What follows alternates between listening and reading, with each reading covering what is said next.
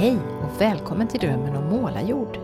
En podcast där du får möta människor som följer sin inre kompass och tar beslut med hjärtat, inte bara med hjälp av den rationella hjärnan. Ibland innebär det att förverkliga en gammal dröm och vägen dit har varit lång. Ibland handlar det mer om att helt enkelt ta vara på chanser som dyker upp när det känns rätt i magen. Det här med att följa hjärtats väg är någonting som vi pratade mycket om i förra avsnittet av podden, där jag träffade författaren Kajsa Ingmarsson, som har skrivit tre böcker på just det temat. Och vi ska fortsätta utforska inre kompasser och magkänsla i det här poddavsnittet, där jag, som heter Maria Estling Wannestål, har träffat Jonas Nordström, som bland mycket annat har forskat om intuition. Jonas lever i Phoenix, Arizona, och det här är det första poddsamtalet som jag har spelat in med någon som sitter på andra sidan jordklotet. Det innebär att ljudkvaliteten inte är riktigt lika bra som vanligt, men jag tycker ändå att inspelningen blev över förväntan. Välkommen till ett spännande samtal.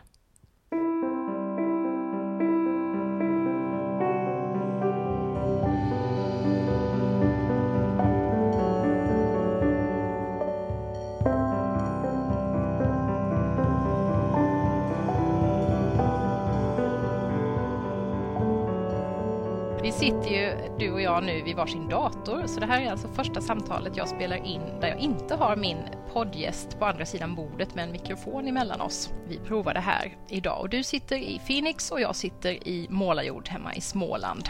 Hoppas Ja. att tekniken ska fungera. Eh, vi ska prata mycket om det du håller på med och ditt jobb och sådär, men jag tänkte först bara fråga dig lite grann om vem du är som person, hur du skulle vilja beskriva dig själv. Om man bortser från allt det Ja. andra. Ska se, jag kan ju försöka beskriva mig som min fru beskriver mig. Nej, jag, ska, jag kan ta min egen beskrivning. Jag är, Ja. jag är väldigt nyfiken tror jag. Mm. Eh, så det är en bit. Jag tycker om att lära mig nya saker och också ha en förkärlek för saker lite som är utanför boxen. Så även om jag har en bakgrund och en som utbildning som civilingenjör där man som håller sig inom vetenskap och vetenskapliga ramar och sånt så har jag alltid varit nyfiken för hitta min egen väg och följa det som känns spännande Mm. eh, och som ger mig energi. Så att det är väl en bit nyfiken och sen kan jag vara lite excentrisk och envis. Är det du eller din fru som tycker det? eller båda? Kommer nog in på min fru, där hon, hon är psykolog, hon tycker väl att jag har autistiska drag med en, förmåga att ha överblick och ändå kunna vara förhållandevis social då. Det skulle kanske inte få en sån diagnos. Men eh, jag kan ha ett bra fokus och fördjupa mig i vissa saker så att Ja, kan väl vara envis i det där. Och sen så kan jag väl vara lite lat också. Alltså jag tycker om att ha tid över till reflektion och vila för att sen göra punktinsatser där jag jobbar hårt eller tränar. Jag tränar, har tränat hela livet och tävlat i olika idrotter så att jag tycker om också att träna hårt och, och använda kroppen.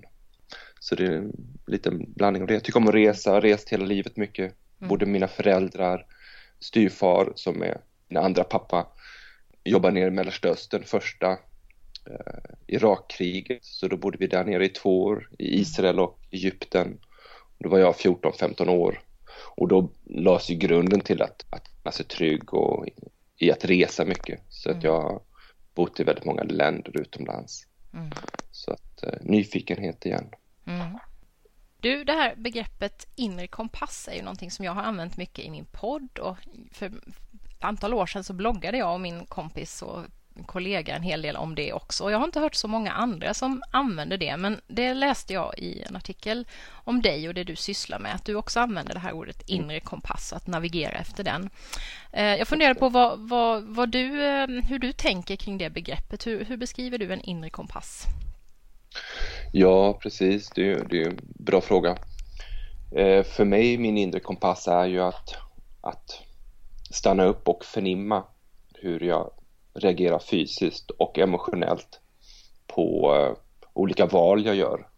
Så att när jag gör val och framförallt svåra val så försöker jag vara kongruent både mentalt, emotionellt och fysiskt. Så att det jag gör eh, känns rätt emotionellt och i kroppen.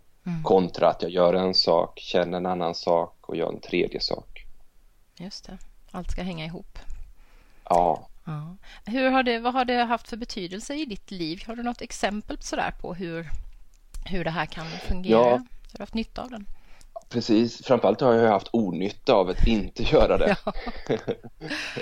Så att jag, kan vara, jag jobbade i försvaret fem år ungefär och var i, i olika krigszoner också. Mm. Så att, eh, både på Balkan och sen Afghanistan i början av kriget.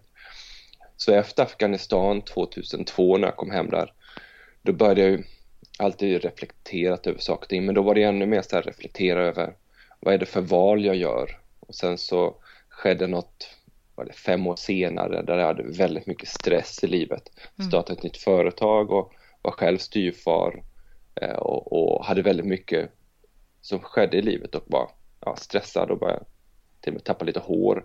Mm. Så i den perioden och efter det så började jag fundera, hur gör jag mina val utifrån att jag kanske har en bild av att vara så här, övermänsklig eller klara mer än vad jag klarar av. Mm. Och att kroppen ljuger inte. Så att då tittar jag tillbaka på ja, större beslut i livet som har varit mera avgörande och kom fram till att när jag är kongruent och, och får som en inre signal som för mig oftast är att det kan ja, pirra till i magen och jag blir varm i bröstkorgen och jag känner mig exalterad och inspirerad.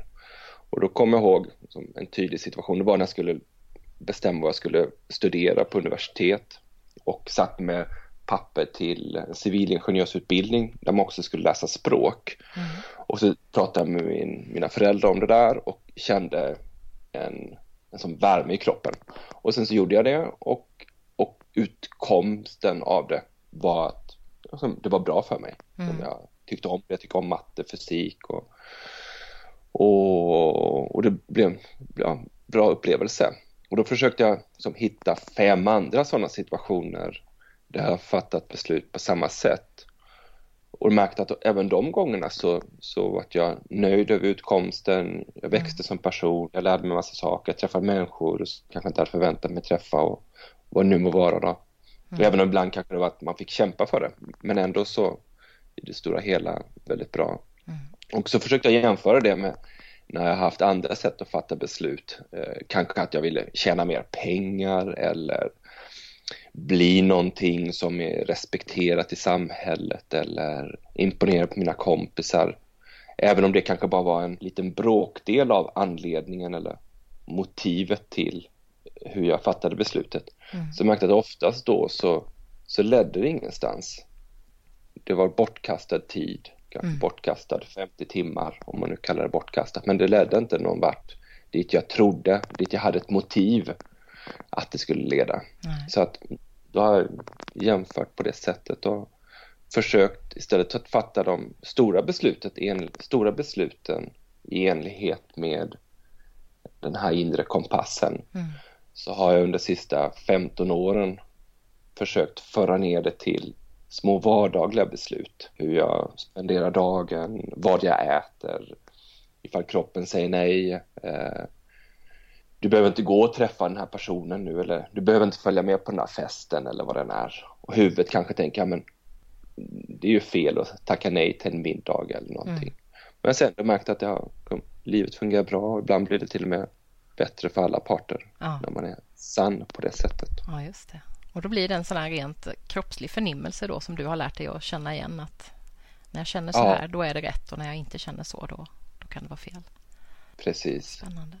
Ja, jag känner igen mig till viss del, kanske inte så tydligt fysiskt, men, men just det här att, att det finns en, en kompassriktning någonstans i magen som om jag bara lyssnar på den så, så blir det oftast rätt. Det, det är väldigt eh, intressant tycker jag att fundera på hur den dyker upp och hur man kan ha nytta av den och sådär. Visst, och, och, det som vi lär ut här på universitetet här i Phoenix, Arizona State University, det är just att förstå de här kroppsliga markörerna mm. eller somatiska markörer, soma är ju kroppen, markör kan vi tänka att det är en, en förnimmelse mm. från en spänning till någon pirrning till, till vad den är i kroppen. Att identifiera hur, hur kroppen reagerar på ett fysiskt och emotionellt plan eh, och hitta kroppens ja och nej-signaler. Vi kan ju tänka så här, ett exempel är ju eh, när vi blir hungriga, hur vet vi att vi är hungriga? Mm. Det är oftast inget vi tänker på, men det är via kroppen vi får de förnimmelserna. Eller om vi är trötta så reagerar också kroppen och de är omedvetna delar och sen så fattar vi ett beslut baserat på det. Ja, Så att eh, det är att blicka ner och Just fånga upp de signalerna. precis. Och vidga dem då Så. till andra områden i livet kan man säga. Utöver Ja, de där precis. väldigt basala. Ja, ja just det. Ja, man kan tänka där när man vidgar det att man skruvar upp volymen på dem. För Ja, att oftast, som nu sitter du och jag pratar, då är vi upp våra tankar, du kanske tänker på vad du ska fråga mig och jag tänker på hur jag ska svara på det. mm, Och då är det ju oftast lätt att liksom, tappa kontakten med kroppen och de här förnimmelserna. mm, Me- medan om vi till exempel stannar upp, blundar, slappnar av eh, och riktar fokus in på kroppen och kanske tar en, två, tre minuter mm. så är det ju mycket lättare att förnimma de kroppsliga markörerna. Ja, Så att då tränar vi på olika sådana övningar. Ett annat exempel kan vara att precis när man vaknar på morgonen eller när man går och lägger sig på kvällen och blundar, då är man också oftast mer i ett meditativt tillstånd mm. och då är det mer naturligt lättare att förnimma kroppen. Ja, det är väldigt intressant för vi, är ju, vi lever ju i en, i en eh, ett, ett, vad ska man säga, en tidsålder där vi är så väldigt mycket i våra huvuden och våra tankar och så. Och vi är så vana vid att, att använda dem hela tiden så att vi har väl tappat lite av det där med, med eh, de mer känslomässiga förnimmelserna kanske. Ja, en hel del i det är ju kopplat till stress Mm. och eh, jag har jobbat väldigt många år med just traumabehandlingar, Ja. olika former av traumabehandlingar från soldater som är traumatiserade. Mm. Och då har ju nervsystemet en inbyggd funktion att i en väldigt farlig situation som kan vara en händelse eller om det är utdragen stress, småfarliga si- situationer som vi i USA kallar soft trauma, Ja. men vilket vi i Sverige kanske skulle kalla utdragen stress. Då har vi förmågan att stänga av kroppsliga förnimmelser till fördel för att agera och inte känna in smärta till exempel Nej. i samma utsträckning. Så vi har stresshormoner som hjälper oss att stänga av smärta till en viss nivå. Men sen över tiden så vill vi oftast bearbeta stressen eller traumat och kunna komma tillbaka till att förnimma hela upplevelsen, inte bara mentalt utan även emotionellt och fysiskt. Mm. Där, där vi som samhälle idag har ju, är i en kris och kanske fördjupar den här krisen med utbrändhet och depression och, och, och också känna meningslöshet. Mycket utifrån att vi har tvingats leva mer och mer utifrån huvudet Mm. och motivation istället för inspiration. Mm. Du, ditt intresse för att jobba med den typen av eh, klienter som du har gjort, kommer det av dina egna erfarenheter från tiden i, på Balkan och Afghanistan? Är det, var det då du blev intresserad av just det fenomenet? Ja, det, det blev ett resultat av det.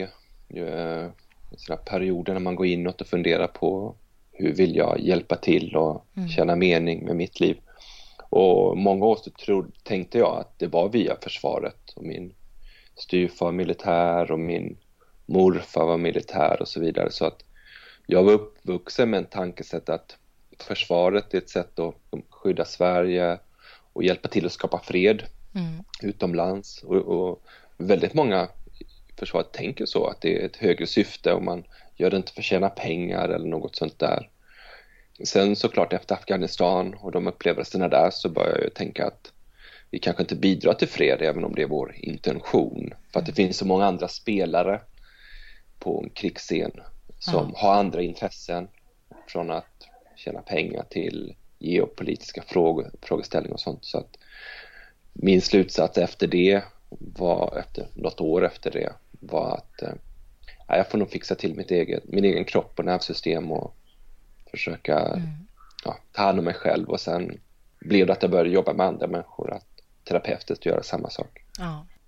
Och sen har du ju också, eh, du jobbar ju på universitetet nu i Arizona. Och hur kom det sig liksom att, du, att du hamnade i den akademiska världen, inte bara för att studera utan att också arbeta där? Det är en del av mitt arbete är att eh, vara på universitetet. En annan del Mm. är mitt eget företag också. Ja, så jag jobbar inte heltid där. Nej. Men eh, när jag var klar med min magisteruppsats och sen så började jag jobba med en kollega där vi höll utbildningar inom kommunikation och psykologi och sådant. Då mindes jag att i, i gymnasiet så mitt stora intresse var psykologi. Mm. Så att eh, då ville jag läsa lite extra psykologi i, ja, i gymnasiet. Men då kom jag tillbaka till att det som jag haft mest energi för att studera var just psykologirelaterade områden mm. till esoteriska områden också, det här transpersonell psykologi. Vad är det Så för då, någonting?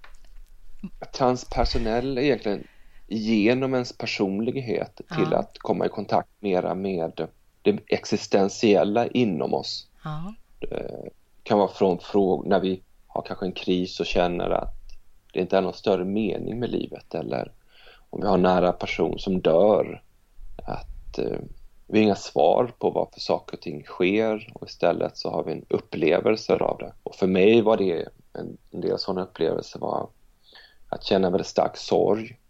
Eh, och när jag gick djupare in i sorgen så oftast kan ju tanken vara att då tar det slut. Och, och om jag går djupare in där så är det början på slutet. Man mm. släpper kontrollen.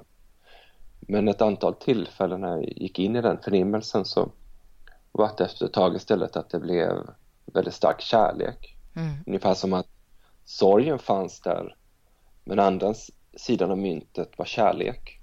En tillfällig upplevelse av det som kunde sitta i ett par timmar. Eh, så det transpersonliga synsättet som är lite kopplat till Carl Jung också mm. är att, att gå djupare in i sig själv. Ja, vad spännande. Du kallas ju ibland för intuitionsforskare. Hur, eh, vad innebär det? Hur, hur, forskar man? Hur bär man sig åt för att forska på magkänsla och intuition och sådana här väldigt svårfångade begrepp?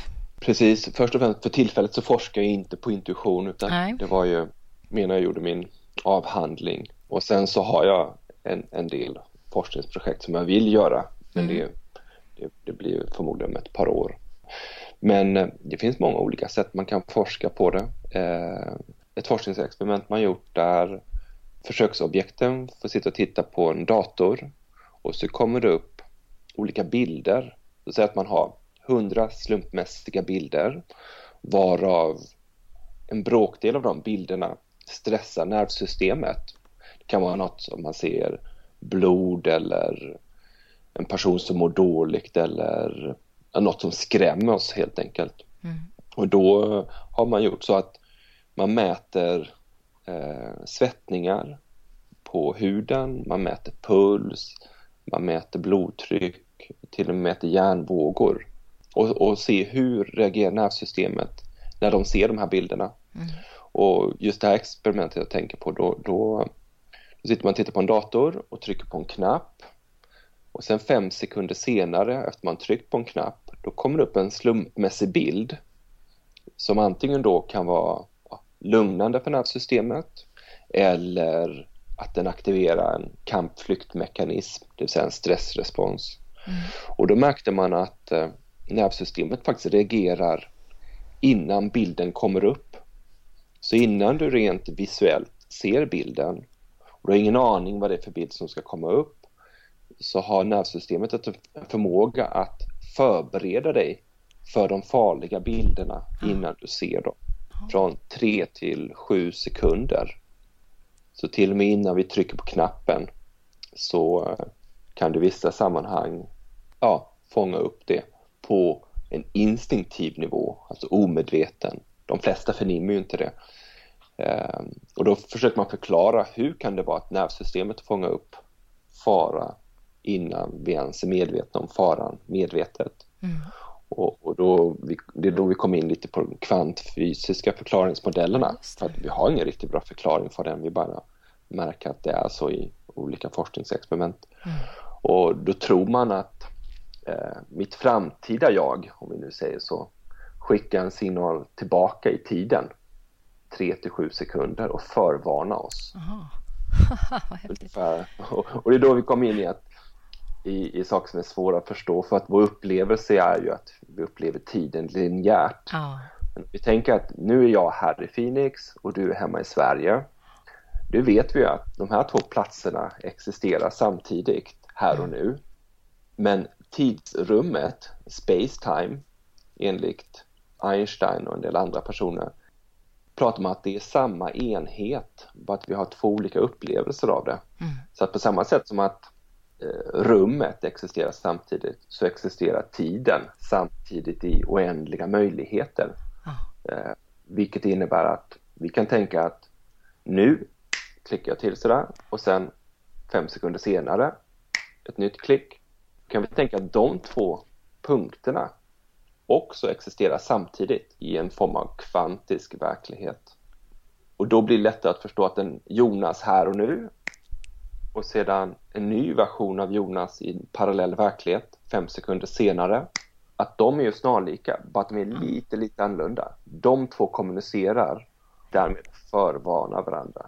Precis, så den senare Jonas talar om för den första Jonas att nu ska jag bli rädd eller nu ska jag bli, ja, reagera på någonting. Då. Ja, ja och, och den, den form av intuition är ju mer svårbegriplig för den mer traditionella vetenskapen ja. och det tar längre tid att få acceptans för de resultaten om man gör om de forskningsresultaten om och om. Jag tror man forskar på det här experimentet om det är 15 gånger eller mm. ja, 20 gånger. För att man kan inte förstå det. Nej. Men då försöker vi bygga förklaringsmodeller kring det. Ett annat experiment man gjort det är en som heter Gary Klein som har forskat på på bland, bland annat brandmän och då pratar han om expertintuition. Hur experter på ett område, som en brandman kanske, den här brandmannen som jag tänker på nu, då han forskat på honom i, under längre tid eh, och den här brandmannen hade 20 års erfarenhet till exempel. Mm. Och har då en förmåga att känna igen väldigt många mönster omedvetet. Han har fått en träning och han har varit kanske på tusen bränder. Så han kan känna igen vad som sker i en brand, händelseförloppet, vad som sticker ut från normalbilden. Mm. När någonting sticker ut från normalbilden så gör vårt undermedvetna en mönsterigenkänningsprocess. Och när något avviker så får vi återigen en sån här kroppslig markör som markerar, det är något som inte stämmer här. Mm. Ungefär som om eh, du träffar en nära vän till dig mm. och de har klippt sig. Och du träffar henne igår, du ska träffa henne idag och så har hon klippt sig och hon säger ingenting. Nej. Och du, du ser att det är något som inte stämmer eh, men du vet inte vad det är. Nej. Då aktiveras, då är det mönsterigenkänningsprocess som aktiveras eh, som är mer omedveten och sen så kan du mer medvetet börja fundera vad är det som gör att jag känner att det här inte stämmer? Mm. Och sen till slut kan du komma på ah, hon har klippt sig. Och då förstår du det nya mönstret som du omedvetet processar. Så vad han märkte, han använde djupintervjuer för att eh, förstå hur de kunde fatta beslut på kort tid och som ändå gjorde då resultatet var att de kunde fatta bättre beslut med begränsat informationsunderlag om de lyssnade på de här kroppsliga markörerna och sen gjorde den här medvetna analysen mm. som en mental simulering. Eh, så att då, då använder man intervjuer för att förstå något och sen vill man testa den hypotesen genom att kanske träna andra brandmän och se ifall de faktiskt gör ett bättre arbete. Ja, just det. Så det, det Precis, så att den här, ja, vad man nu ska kalla det, intuitionen eller inre kompassen eller så, den, den kan man träna upp helt enkelt genom eh, ja, erfarenhet och... Absolut. Mm. Ja, det är positivt. Och du jobbar ju också mer praktiskt då med ditt, eh, i ditt eget företag med kurser i eh, stresshantering och intuition, eh, har jag förstått. Eh, ja. Och vad, hur, hur, ser, hur ser sådana kurser ut? Hur, vilka kommer till dig och vad gör ni där? Om vi tar stresskurserna så lär jag ut en metod för att ja, hjälpa människor att bearbeta stress och även trauma. Metoden kan också användas för att eh, ja, användas som en kroppsmeditation helt enkelt om inte man har så mycket trauma och så mycket stress. Eh, och den metoden heter TRE som betyder Stress, Tension and Trauma Releasing Exercises. Så att då håller jag från tre timmars workshops där vem som helst kan komma och lära sig metoden och sen använder man den själv hemma. Eh, men man kan också komma till en terapeut som mig och få lite hjälp. Och sen så har jag tre och sex dagars kurser där jag har utbildning så att folk kan bli certifierade så att mm. de kan använda med sina klienter eller patienter. Mm. Och det är, det är framförallt det jag har gjort med, med de bitarna. Sen mm. så har jag hållit ett antal, kan det vara, sex till tio intuitionskurser i Sverige från polisen till öppna kurser. Men det har jag gjort mest för att förbereda mig för att kunna utbilda, uh, utbilda här på universitetet. Ja. Så att uh, det har varit mest det syftet för att sätta ihop PowerPoint och ja, ja kunna utbilda på universitetsnivå. Ja.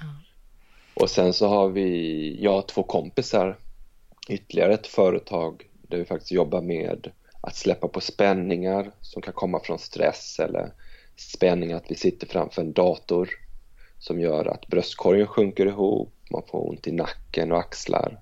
Och då har vi tagit fram ett litet verktyg, ungefär som en foam roller, fast den är formad som en banan. Mm. man kan ligga på 5-10 eh, minuter på kvällen för att stretcha eh, hela bröstkorgen så att du öppnar upp bröstkorgen och släpper på spänningar i, i bröstmuskulaturen och mellan revben. Vilket ibland när man gör det kan öppna upp känslor, vi kallar det hjärtöppning för att på samma sätt när vi blir stressade och stänger till och går ihop i en försvarsposition där vi i slutändan skulle kunna krypa ihop en boll, då är det oftast länkat med smärta eller ilska eller mm. rädsla, sorg. Så att när vi gör tvärtom, då kan det ibland vara att de här känslorna kommer tillbaka. Mm. Och så kan man vända på den och då kan man lägga den under nacken på ett ganska skönt sätt. Mm. Så att då håller jag utbildningar i det också. Ja, just det. Hur fick ni idén till, till den? En fysisk produkt? det var mest slumpen faktiskt. Mm. Vi tre ville att vi skulle, vi bestämde att vi skulle jobba tillsammans och vi pratade om att jobba framförallt med eh, hitta på hur man kunde sprida den här traumametoden till idrottsmän och eh, människor som inte upplevt så mycket trauma och mm. därmed ha en annan paketering på det. Och då funderar vi på om vi kunde aktivera, det är en form av skakmekanism som aktiveras när vi blir ja, traumatiserade eller stressade. Mm. Så vi bilolycka så kan man skaka lite efteråt. Så då vill vi hitta ett verktyg som man kunde använda för att trötta ut insida lår genom att pressa ihop ja, den här skumgummibiten. Mm. Då märkte vi att när vi tagit fram den att den passade ännu bättre till att använda som en foam roller, not stretching. Mm. Och eh, alla vi varit intresserade av som yoga och, och sådana saker. Jag har själv varit utbildad mig till yogalärare och mm. gjort lite yoga varje dag i många år. Så ja. då tänkte vi, ja men det där kan hjälpa oss att, att stretcha bröstryggen. Eh, och sen så ledde det ena till det andra. Mm. Ja, vad spännande. Du, du har ju massor med saker på gång med kurser och universitetet och produkter och allt möjligt. Hur är ditt eget förhållningssätt till stress idag? Hamnar du i stress eller, eller kan du hantera det i alla lägen? Ja, jag hamnar i stress regelbundet. Ja. Det är två saker som jag tycker skiljer sig i mitt liv idag jämfört med tidigare. Det ena är att ju mer jag har mediterat, gjort yoga och sådana här saker, mm. desto mer stresskänslig har jag också blivit. Ja. Och med det menar jag desto bättre har min förmåga blivit att förnimma hur kropp, kroppen mår. Mm. Vilket gör att jag kan inte ha riktigt samma tempo som tidigare. Om jag gör något så vill jag oftast komma tillbaka från, exempelvis att träna, vill jag komma tillbaka från träningen och vila lite, äta innan jag gör nästa sak. Mm. Eller om jag har hållit en tre timmars kurs istället för att springa på väg, iväg direkt efter så brukar jag vilja komma hem och landa ner och nollställa nervsystemet. Mm. Så det innebär sak nummer två då att jag har mycket mera utrymme i livet. Mm. Jag gör, jag springer på färre saker så att jag kan ha mer utrymme. Mm. Men den intressanta upptäckten där tycker jag är att då blir det att om jag har den discernment eller urskiljningsförmågan istället för att göra fem saker som jag hoppas ska leda någon vart. Ifall jag lyssnar på de här fem sakerna och känner efter vilken kroppen säger ja till. Ja. Då blir det att då kanske jag räcker göra två av de här fem sakerna och jag får samma resultat. Just det, så du rensar ut allt, allt det där onödiga som tar mer energi än vad det ger kanske. Så gott det går och det här är ju teoretiskt, det är klart man inte alltid lyckas med det. Lära sig utvecklas. Men jag har mycket mera utrymme i, i min kalender varje dag. Ja. Så att jag jobbar kanske fyra timmar per dag. Mm. Eh, och så håller jag på mer att fördjupa mig utifrån det jag brinner för, det jag är exalterad över. Men då känns det mer som en hobby. Mm. Ja, men det, det är kul det där när man lär sig att ta hand om sig själv och ser vad man behöver, tycker jag. Du Jonas, hur ser, hur ser framtiden ut nu då? Vart pekar din kompass? Vad tänker du om vad du gör om tio år eller så? Funderar du över det? Ja, tio år är en lång tid. Mm. Det, det funderar jag nog faktiskt inte över. Nej. Däremot tänker jag närmsta tiden, sådär, om, om nu väntar vi på att min fru som bor i Sverige fortfarande, hon ska få sitt green card ja. Eh, och det tar ungefär ett år. Så att jag pendlar fram och tillbaka. Sen så är tanken att vi båda bor här i Phoenix och då har jag ett gäng vänner som vill öppna ett hälsocenter. Mm. Ett hälsocenter slash gym eh, där man har från som crossfit-aktiviteter till yoga, hälsobar eller café. En blandning av sådana saker. Mm. Så vi håller titta på öppnandet av ett sånt inom kanske ett till två år. Aha. Och håller på att förbereda mig, sätta ihop de olika bitarna för det. Så det, Och det har varit en dröm för mig länge att kunna ha ett, ett litet center där man har nära vänner och kollegor som tycker om lite samma saker mm. med olika bakgrund och där man själv kan både få in som träningen, massagen, bra mat och ja, ett litet eh, center för ja, mer tankar rörande visdom och vanligt liv, det vill säga ja, träning. Hur man kan integrera alla de bitarna. Mm. Ja, vad spännande. Jag märker vi har många, många paralleller. Jag går också här och, och tittar på ett hus i närheten där jag vill göra en, ja, lite liknande. Just att, att fånga upp okay. alla, alla olika delarna i livet och samla, samla dem på ett ställe på något sätt. Eh, mm. Ja. Det är, är spännande. Ja, vi har ett, ett, det finns ett hus här i byn där jag bor som står eh, tomt för det mesta. Men det är inte till salu tyvärr. Men där har jag tänkt just att ja, min man och jag pratade om det då, att vi ska skapa någon typ av, om vi skulle få loss det, eh, kursgård. Vi har också många, både vänner och bekanta, som, som håller på med sådana här saker som vi tycker är intressanta. Ja. Och att kunna samla det och kunna ha kurser, kunna ha retreats. Eh, ja, det finns en, en gympasal på tomten, bara en sån sak. Jag ser ju yogasalen ja, där, vet du. och det är så roligt. Och, ja, det kanske aldrig blir av, men det är väldigt roligt att, i alla fall gå och, och drömma och fundera på de där grejerna tycker jag. Absolut, och, och bibehålla intentionen. Ja, och, ja visst. Och, och det kanske blir något helt annat, men, men det, det vet man aldrig. Men det, det är väldigt uh, givande, tycker jag, att, att ha såna där drömmar. Och, och, vissa saker är lätta att förverkliga direkt. Andra är såna här som är lite mer komplicerade. Det krävs lite av universum, jo. av hjälp jo, för att det ska fungera. Men, men det är roligt. Är det så. att tänka ja. på det. Ja. ja, spännande. Ja. Men du blir kvar i USA då, det är tanken? Ja, det är absolut tanken och eh, kommer hem till Sverige fem gånger på år ungefär. Mm. Och eh, fyra av de gångerna håller jag ju kurser och sen femte gången eh, semestern på sommaren. Ja. Då, du bor ju i Småland. Jag kommer ju från Karlskrona från Jaha, början. Jaha, gör du det? Ja. Vi bor i Stockholm, bor ja. Stockholm. Men då åker vi ner till Karlskrona och så är vi där en, ja, fem, sex veckor och hälsar på pappa och lite gamla vänner och sånt där. Så, att, så du har kvar kontakten med Sverige också. Ja, ja absolut. Mm. Jo, jag har syskon, familj och vänner i Sverige.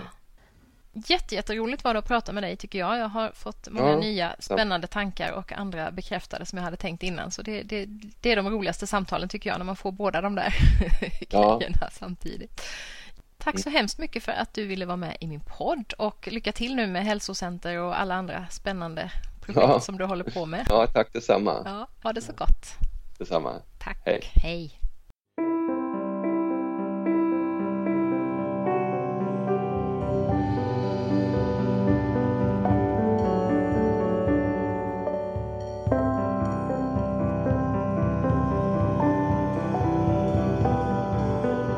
Alltså lyssnat på ett samtal med Jonas Nordström och om du är nyfiken på att veta mer om det som vi pratar om då kan du kika in på Jonas webbplats www.minskadinstress.se Någonting som jag tycker är särskilt spännande när det gäller intuition och magkänsla är att det inte verkar vara någonting som vissa människor är födda med och andra inte. Utan att det faktiskt går att träna upp, precis som brandmännen i studien som Jonas refererade till. Om du blev nyfiken och vill fördjupa dina kunskaper om det här området så finns ett kapitel ur en lärobok som han har varit med och skrivit tillgänglig via en länk på poddens webbplats www.drömmenommålarjord.se Kajsa Ingemarsson var inne på samma sak i förra avsnittet när vi pratade om att navigera efter inre kompasser. Hon konstaterade också att övning ger färdighet, men också att det på ett sätt kan bli svårare med tiden. Helt enkelt för att utmaningarna vi ställs inför kan bli större när vi väljer att lyssna mer inåt och faktiskt följa vår kompassriktning. Och så byter ju den där kompassen riktning emellanåt. Inte konstigt att det inte går att svara på var man tror att man är om tio år, som Jonas sa. Det kan inte jag heller göra. Och det är det jag tycker är så roligt med det liv jag lever nu jämfört med hur det var tidigare. Nya dörrar öppnar sig hela tiden och när magkänslan talar om för mig att det är rätt, då kliver jag in och ser efter vad som finns på andra sidan. Jag hoppas att drömmen om målarjord inspirerar dig till att bli lite bättre på att följa din egen inre kompass. Att ibland stanna upp och reflektera över var du är, vart du vill och vad som hindrar dig från att komma dit. Att ta de där små, små stegen som leder dig i rätt riktning. Alltså den riktning som känns rätt för just dig. Och som kanske inte är den som andra förväntar sig av dig. Att också ha förmågan att njuta av resan där du befinner dig precis just nu. I nästa avsnitt av podden ska du få möta energiknippet Fredrik Bergman som berättar om det sociala företaget Macken han har varit med om att bygga upp och som har hjälpt många människor till en mer meningsfull vardag. Följ gärna podden i sociala medier, på Facebook och Instagram. Tipsa dina vänner och tipsa mig om nya poddgäster. Det kan du till exempel göra via mail, podcast livstid.nu. Tack för att du har lyssnat. Och om det fortfarande är påsk hos dig passar jag på att önska dig en fin påskledighet. Jag hoppas att du har möjlighet att ha en sån. Hej då!